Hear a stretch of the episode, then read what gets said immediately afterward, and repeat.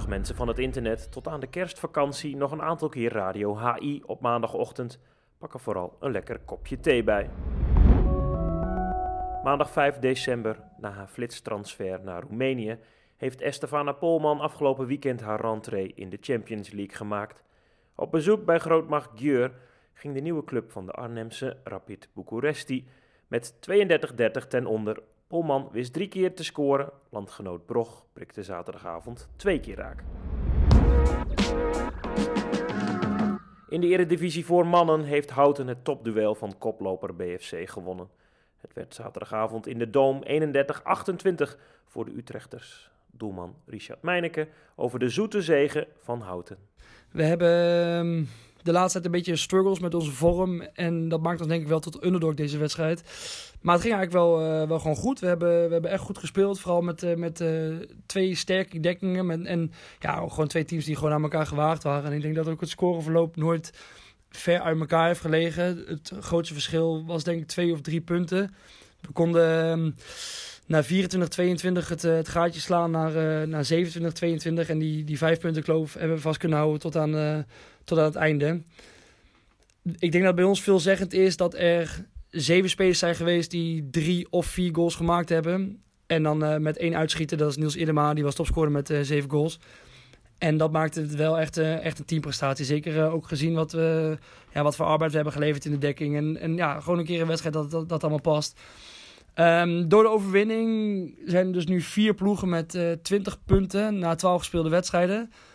Wat voor ons uh, de wedstrijd op 17 december uh, thuis tegen Quintus, uh, die dus een van de medekoplopers is, alleen maar extra interessant maakt. En daar zijn alleen maar leuk daar naartoe.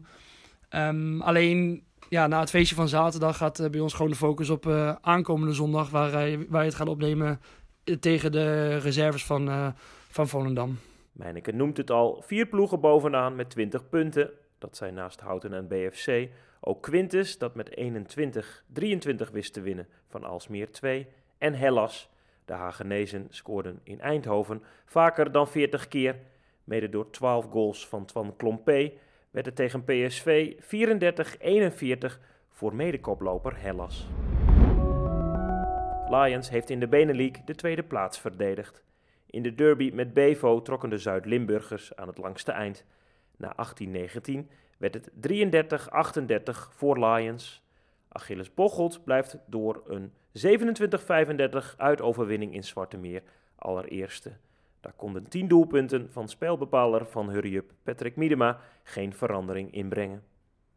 Verder in de Benelink een gelijk spel van nummer 3 op de ranglijst Aalsmeer. In Eupen bleven de Noord-Hollanders op 28-28 steken.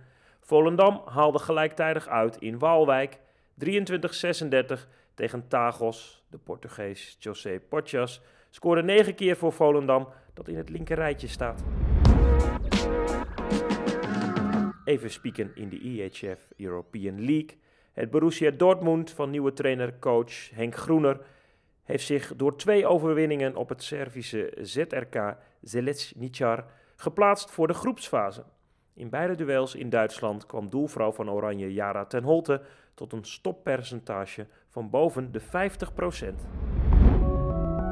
Tot slot in de eredivisie voor vrouwen heeft VNL een punt gepakt van kampioenskandidaat SEW.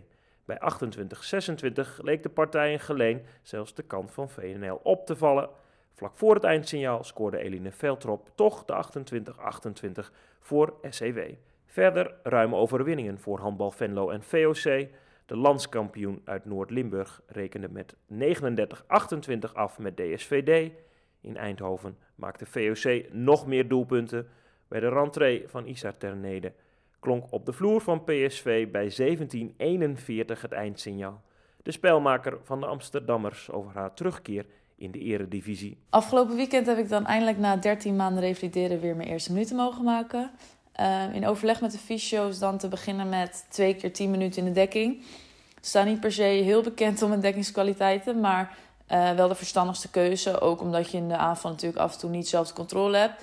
Um, kijkende naar afgelopen zaterdag denk ik dat dit gewoon prima is gegaan voor de eerste keer. En ik wil echt tevreden mag zijn met hoe mijn eerste minuten in het veld zijn verlopen. Ik had wel gezegd van mocht er een kans zijn uh, dat ik vrij mee zou kunnen lopen in de snelle tegenaanval. Dat ik me ook zeker niet ging inhouden. Um, dus heb ook nog een doelpuntje mee mogen pakken, wat wel erg leuk was. En um, ja, het team reageerde er ook enthousiast op, dus dat vond ik ook alleen nog maar leuk. Um, de wedstrijden hiervoor kwam ik eigenlijk alleen in voor de penalties. dus om dan nu weer echt in het veld te staan, is dan wel een heel ander gevoel. En ik heb nu ook voor mijn gevoel weer meer mijn steentje bij kunnen dragen aan het team. Ik ben wel extra voorzichtig nog, maar ik denk dat dit wel weer een goede stap is in de richting naar wedstrijd fit toe. Um, over het algemeen ben ik dus vooral gewoon heel blij en trots om weer deel uit te mogen maken van het team. En um, was dit wel waar ik gewoon de afgelopen maanden hard voor heb gewerkt. Tot zover Radio HI van maandag 5 december. Heb je tips, hints of wil je mij, Stijn Steenhuis, de host van deze podcast, iets influisteren? Mail vooral naar redactie.handbalinsight.nl.